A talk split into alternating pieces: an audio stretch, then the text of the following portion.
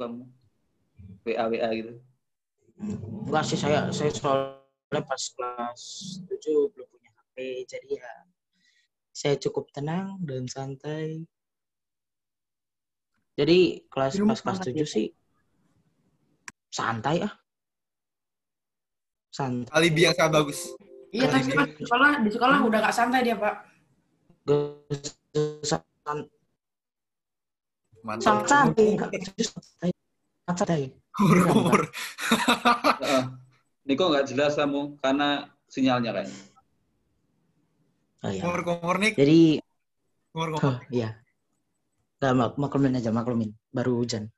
oh baru udah ya sih Niko emang orang paling santai dari kelas 7 karena dia berangkatnya siang pulangnya sore banget bahkan pada guru pulang ya kan nih ya. Paling sabar. Di SR Saya, orang paling santai, Pak. sama paling Ah. sabar. ya. Orang paling santai, paling sabar. Iya, Dulu saya dia- pas kelas 7, Kenapa aja? Dulu yang pas kelas 7 pernah telat masuk kelas 9 kali. Terus Uh. saya tulis di buku alay cuma dua kali. Pengakuan ini pengakuan harus kita abadikan guys. Sebuah pengakuan. Wah. Gak mau gak mau bersihin toilet. Emang ada mesin toilet gitu? Belum Ya pernah. ada pak, ada pak, ada pak. Saya lihat siapa dulu ada kelas bersihin toilet. Saya nyuruh nyiram teman. Yang doang kali. Mungkin ada Bisa, ya, mungkin iya. ada. Kalau sampai Disuruh berapa kali itu bersihin lantai saya ya, toilet. tiga empat kali gitu bukan hanya bersihin toilet sih, kadang ada yang nyiram tanaman, Iya, bersihin apa gitu. Karena itu sebenarnya mendidik bagus loh kalau kamu sadari. Cuma kadang pada itu ini kembali lagi kayak si Niko bilang tadi, banyakkan anak tuh kadang jijik dulu padahal nyapu itu teman-teman ya tak kasih tahu ya. Nyapu itu kalau kamu nggak terbiasa dari sosial kamu sekarang ini, nanti kamu semakin gede itu malas nyapu loh dan suka dengan situasi yang kotor. Hati-hati itu harus lebih rajin. Saya ini Niko beda dengan yang dia katakan tadi ya, Vel ya.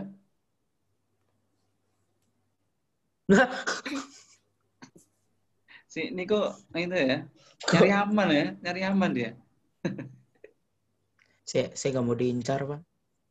Takut pak. Diincar. Oh nggak apa-apa. Nanti Saya diincar sama guru ntar. Pak. Oh nggak ada di sini kayak gitu itu. Kita itu free guys, Oh, iya, free iya, iya. ngomong apa adanya. Dulu saya kayak gitu, sekarang udah enggak, Pak. Apanya yang kayak gitu maksudnya? Kayak takut-takut gitu. Nggak buat apa takut.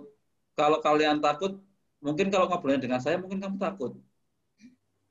Iya, emang dulu paling takut sama Bapak. Iya, maksud saya kalau sekarang kamu nggak kenal saya sebagai wali kelas, mungkin kamu nggak terbuka ini untuk ngobrolin hal Iya. tadi-tadi itu. Itulah pentingnya kedekatan dengan Saya siswa. takut ngobrol sama siapa ya? Sama siapa? Hmm, Saya. sama Bulita kalau nggak salah. Oh, Bulita. Masih baru Dulu sama Bulita. Bulita kalau nggak salah. Saya takut. Yoga dulu takut sama Soalnya- siapa? Yuk, Gini pak, coba nama nih. Jelas dulu nih, jangan sampai kumur-kumur loh. soalnya ya ya soalnya dulu pas Bulita tuh gimana ya sebenarnya ramah cuman make upnya pak kayak mayat beneran pagi-pagi kayak mayat beneran pak putih banget bingung saya lah Aduh, ini orangnya di sana Jujur, panas Pak, jujur, jujur. gatal nih saya belum Ya, dia tinggal silakan, saya Pak. Nick. Saya bilangin loh nanti. eh jangan pak Ampun, Halo ampun. Nik. Halo Nik. Oh, nggak apa-apa. Semoga Bu Lita sekarang sudah itu ya, sudah kerja lagi. Gitu, saya.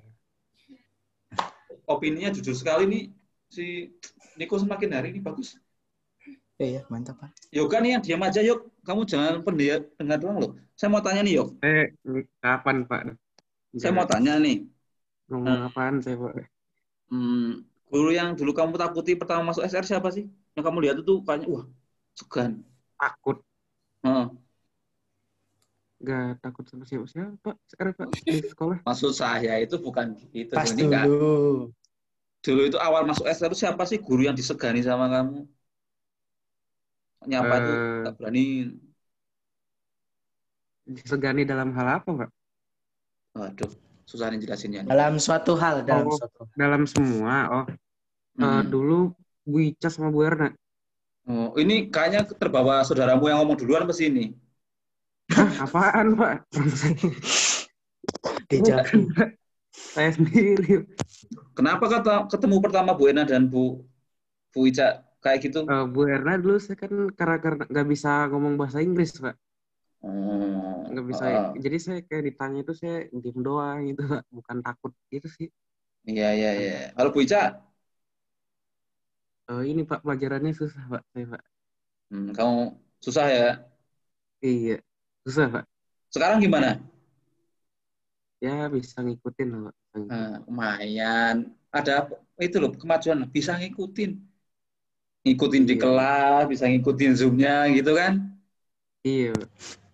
Kalau selebihnya lillahi ta'ala. Ngerti atau enggak ya enggak tahu saya. Ngerti lah Yok ya? Ngerti Iya. Pak. Ngerti lah. Masa enggak ngerti? Kalau nggak ngerti pasti ada perbincangan. Mm-mm. Kayaknya hampir semua pelajaran bahasa Inggris, IPA, matematika menjadi ini ya, tantangan ya. Saya yakin. ya. Rafael ya enggak? Saya IPA doang sih, Pak. Kenapa IPA?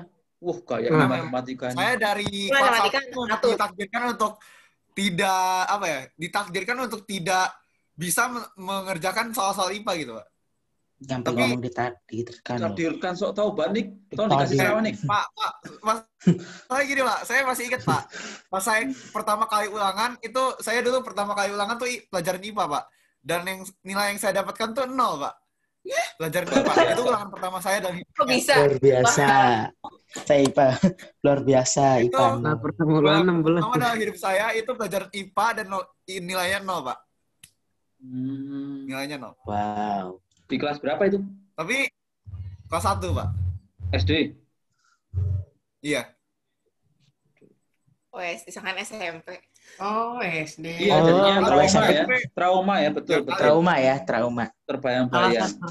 Nah jadi mindsetnya tuh udah kalau ke pelajaran IPA tuh buruk Pak, udah, Nah, udah kayak udah gitu. Itu sebenarnya nggak bagus, makanya harus dibenerin. nah ini. Ini Dan kelemahan, kelemahan anak muda ini. Kelemahan anak muda tuh kayak gini. Sudah tahu salah, tapi diterusin. Nggak mau memperbaiki. Dan meyakini. udah diperbaiki pak. SMP udah udah memperbaiki pak SMP pak. Iya, SMP udah memperbaiki kita lihat nilainya udah lebih bagus.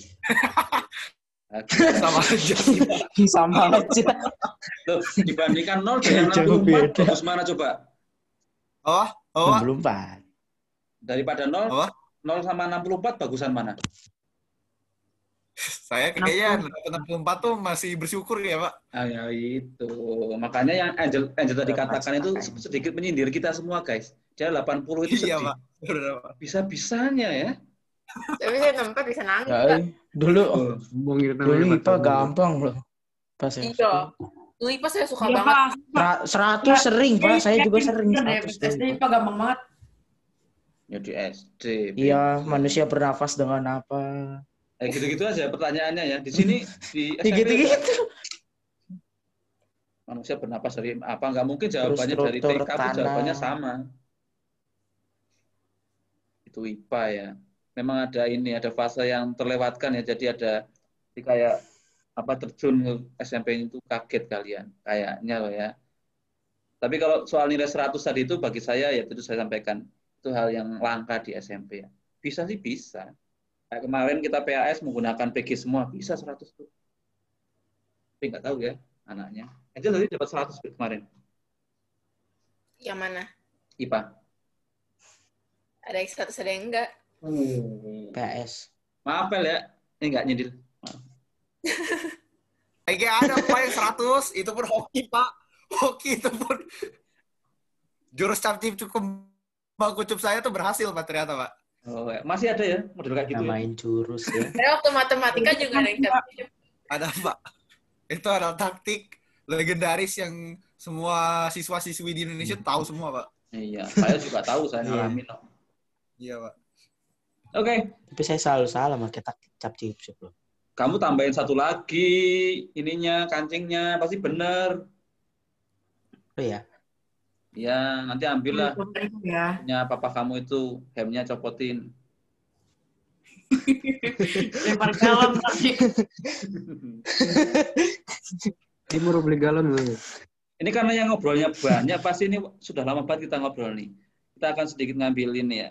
Saran ya, saran buat anak-anak teman adik kelas kalian kelas 7 nih. Sarannya apa sih saran yang biar mereka tuh menyadari bahwa itu hal yang wajar dilewati gitu kan. Siapa dulu yang mau ngomong nih? Memberikan saran nih siapa nih? Yang paling tua siapa? Saya berarti paling tua. Dong. Maksudnya dari Maksudnya kita murid, maksudnya murid. Maksudnya murid. Maksudnya murid. Aduh, aduh, aduh. Sensitif memang ya kalau soal usia ya. Lu berapa nih? Lu berapa nih? Lu berapa nih? Kayaknya gue. Monggo. Niko, Niko, Niko, berapa berapa nih? Niko? Juli, Saya Juli, Juli. Juli. Februari kan Saya Ju- saya saya Juni. Oh, Paling Juni. kecil, gue paling Gua, kecil. gua April, gua April. Yuda? Wes Angel. November dong, Pak. Berarti Rafael yang paling tua. Saya tanggal Angel. 7, aku tanggal 17. Ya ilah, beda 10 hari doang. Apaan? Rafael dulu, Rafael. Ayo ayo Rafael. Saran buat apanya, Pak? Saran buat apa? Eh, ini kan menurut saya itu kejadian tugas yang masih menumpuk. Itu kan hal yang wajar terjadi kelas 7 tinggal seperti yang sudah katakan tadi bahwa semua itu tidak bisa ditunda tugas-tugasnya harus dikerjakan. Nah, saranmu agar adik-adikmu ini lebih apa ya bertanggung jawab dan menghargai memang prosesnya kayak gitu itu. Tugasnya akan banyak. Nah saranmu gimana Oh, buat saran biar saran biar eh, tugasnya nggak numpuk-numpuk gitu loh, biar nggak Iya. stres gitu, Pak. betul lah itu Wah, saya sih kayak ya kayak yang tadi Pak yang saya katain eh, tergantung kita pas mulai mengerjakannya apa pas mau mengerjakan tugas-tugasnya itu mindsetnya gimana. Kalau mindsetnya udah negatif ya susah pak. Kalau main kita mindsetnya rubah jadi mindset yang positif. Kayak misalnya tugas nih have fun ah gampang gitu. Pasti ke bawahnya enak pak. Kalau misalnya kita mindsetnya negatif ah tugas numpuk. Soalnya susah-susah matematika aljabar segala macam. Nah itu jadi istilahnya pikiran kita tuh udah termanipulasi gitu pak. Jadi udah ke bawahnya tuh males. Kalau misalnya Iya. kita mindsetnya eh ah ini rumus yang kemarin udah dipelajarin gitu. Gampang ini mah. Bisa pak ngerjain jadi tergantung mindset kita. Kalau kita taruh mindsetnya yang positif itu gampang ngerjainnya. Oke, sama oke. 50-50 mengerjakan sama istirahat itu harus 50-50 pak. Betul betul. Perlu istirahat kan pasti kan ya? Nah, biasanya kalau saya saya hari Sabtu tuh biasanya saya eh, kayak menjernihkan pikiran pak. Setiap hari Sabtu. Oh, apa berenang nggak berenang juga pak yang penting airnya angin sepoi-sepoi juga itu angin sepoi-sepoi pun udah menurut saya refreshing pak Oh, ya, ya, ya. Apalagi?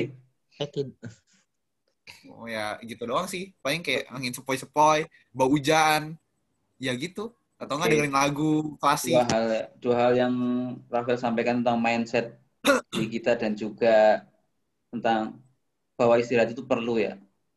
Dan jangan dipaksakan teman-temannya itu yang biasanya kita saya juga lakukan.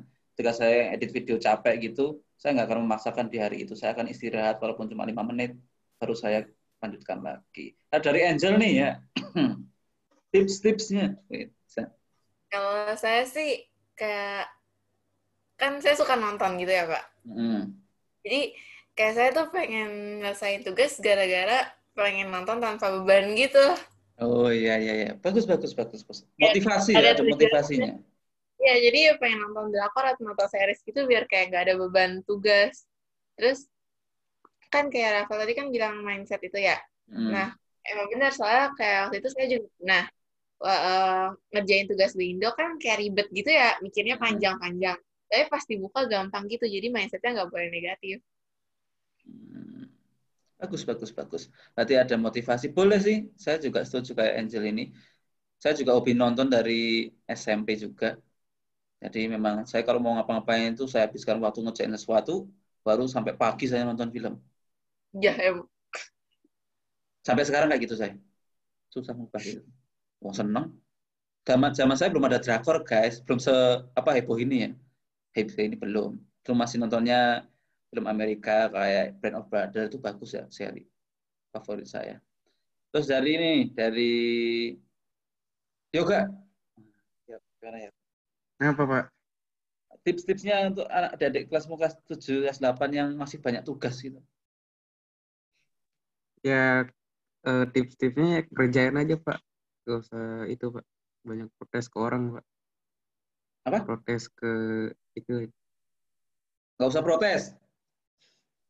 Bukan, maksudnya kita gimana misalkan yang nggak usah ngomong ke gurunya misalkan nih nggak usah banyakin tugas nih itu Pak. tips dari saya Pak. ya kerjain aja. Nggak kerjain aja. Ini bagus sebenarnya. Iya. Saya kerjain aja Pak. Ini tugas banyak banget. Kerjain aja. Karena Podcast mau juga- didiemin juga harus dikerjain kan Yok iya Pak. Kerjain aja. Didiemin. Dikerjain. Daripada ditumpuk. Jadi beban. Iya Pak. Jadi beban Pak. Hmm ya ya betul Itu betul. Ini simple ya? Benar tapi Yok Iya. saya setuju. Iya Pak. Itu doang. Semangat. ini Pak sama itu doang sih. Oh, ya ada orang kan yang berharap mungkin itu ya karena tugas tak diemin ah tahu-tahu nanti ada yang nyelesain gitu. Ada terus tiba-tiba dilihat tugasnya susah-susah Pak. nggak bisa selesai. Heeh, kenyataannya enggak. Emang kita sulap kayak gitu kan? Enggak ada yang pengen buru-buru ngegame ini mungkin yang digunakan Angel ini masuk ya ketika anak-anak yang suka bermain game pengen buru-buru main game ngerjain tugas dulu selesaikan baru ngegame itu juga nggak salah Ini kok tuh Pak main game terus Pak sini kok sama Yuda tuh. Oh, nggak masalah asal tugasnya selesai Cepet Pak, kamu udah aman sekarang. Hmm, itu penting ya membagi waktu seperti itu. Bagus bagus. Untuk Niko Niko gimana nih? Cara untuk ini ya, Hmm, apa tadi? tugas-tugas. Belajar. Hmm, Tips, belajar di kelas belajar di, belajar di kelas 7 coba. Gimana caranya? Tips-tips ya. Hmm. Karena mungkin hmm, kelas 7 sekarang lebih susah dari kelas 7 dulu. Soalnya kelas 7 yang sekarang belum pernah tatap muka, belum pernah Hmm. menyesuaikan teman baru. Jadi itu lebih susah. Jadi mungkin lebih mengarah ke ini. Revolusi cara belajar. Gimana tuh? Jadi misalnya kalau belajar waktu ujian doang bisa di bisa di ini apa sih? Bisa belajar setiap nggak setiap waktu juga jadi bisa belajar kalau kalau misalnya ada tugas jadi misalnya kelar tugas sedikit belajar dulu atau enggak atau enggak ini itu kan misalnya kayak cara, cara belajar saya jadi jadi kalau guru menjelaskan itu benar-benar kayak perhatiin aja udah puter-puter di otak aja materi Hmm. sampai paham gitu terus juga kalau soal ngerjain tugas ya Hmm. kalau ngerjain tugas emang kalau online itu lebih banyak lebih sulit jadi bi- biasanya hanya sehari kumpul jadi bisa berapa gitu Luar biasa pokoknya ya.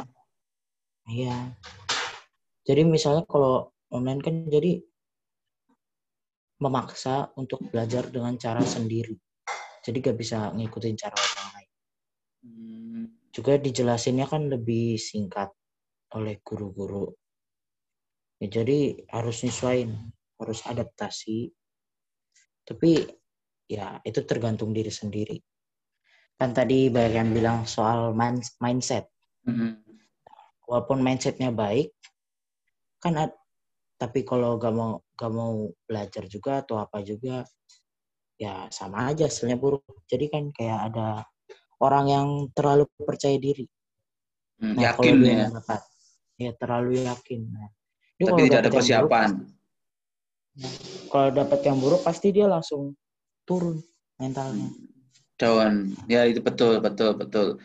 Tadi tadi seperti yang katakan Niko ini betul. Makanya tadi eh, Rafael mengatakan kalau kamu sudah tahu rumus-rumusnya, oke, kamu langsung kerjakan dengan mindset yang positif karena sudah yakin. Nah, itu ada namanya persiapan.